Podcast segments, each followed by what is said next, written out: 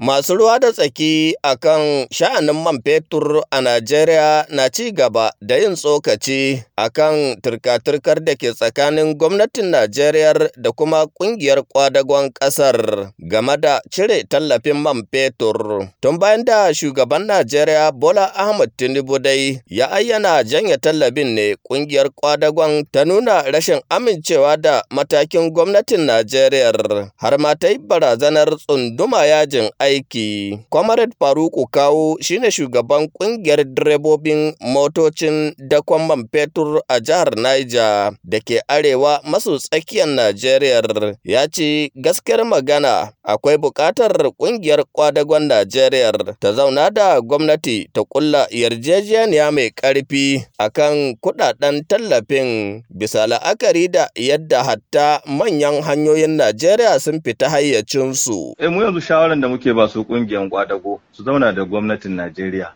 su ba ta shawarwari. Na ɗaya dai muna fama da matsaloli abin da ya shafi magana hanya. Yau in ka duba hanyoyinmu na Najeriya especially mu na Niger State kamar ma ba cikin Najeriya muke ba gaba ɗaya. In ka fito Lagos da ka zo makwa dole ka yi tsaye in bodi gare ka in tanki gare ka dole kai tsaye kai tunani wai ina ma zan fara ta ina zan fara ina zan bi. Ajin Mustapha yau in ka ɗauko da ka kawo bidda kace kana bukatan mina duk inda zaka fito ma mina cikin masifa. Daga bakin wannan watan da ya kare zuwa yau mun rasa mota akalla ta kai kusan mota goma sha wani wacce ta faɗi ta ƙone gaba ɗaya akwai sanda mota uku suka faɗi gaba ɗaya a barikin bidda har suka kona soja ya mutu kuma. To kaga inda za a yi amfani da wannan subsidy din a gyara hanyoyi a gyara matatun mai a gyara ma 'yan Najeriya abin da suke buƙata to me laifin wannan. Shi kuwa shugaban ƙungiyar dillalan man fetur a jihar Niger Alhaji Adamu Ahmad Erana ya ce duk da yake suna bin gwamnatin Najeriya bashin kuɗi har na sama da naira biliyan arba'in amma ba su da wata matsala game da lamarin cire tallafin domin kuwa suna cike da fatar samun sauƙi nan gaba.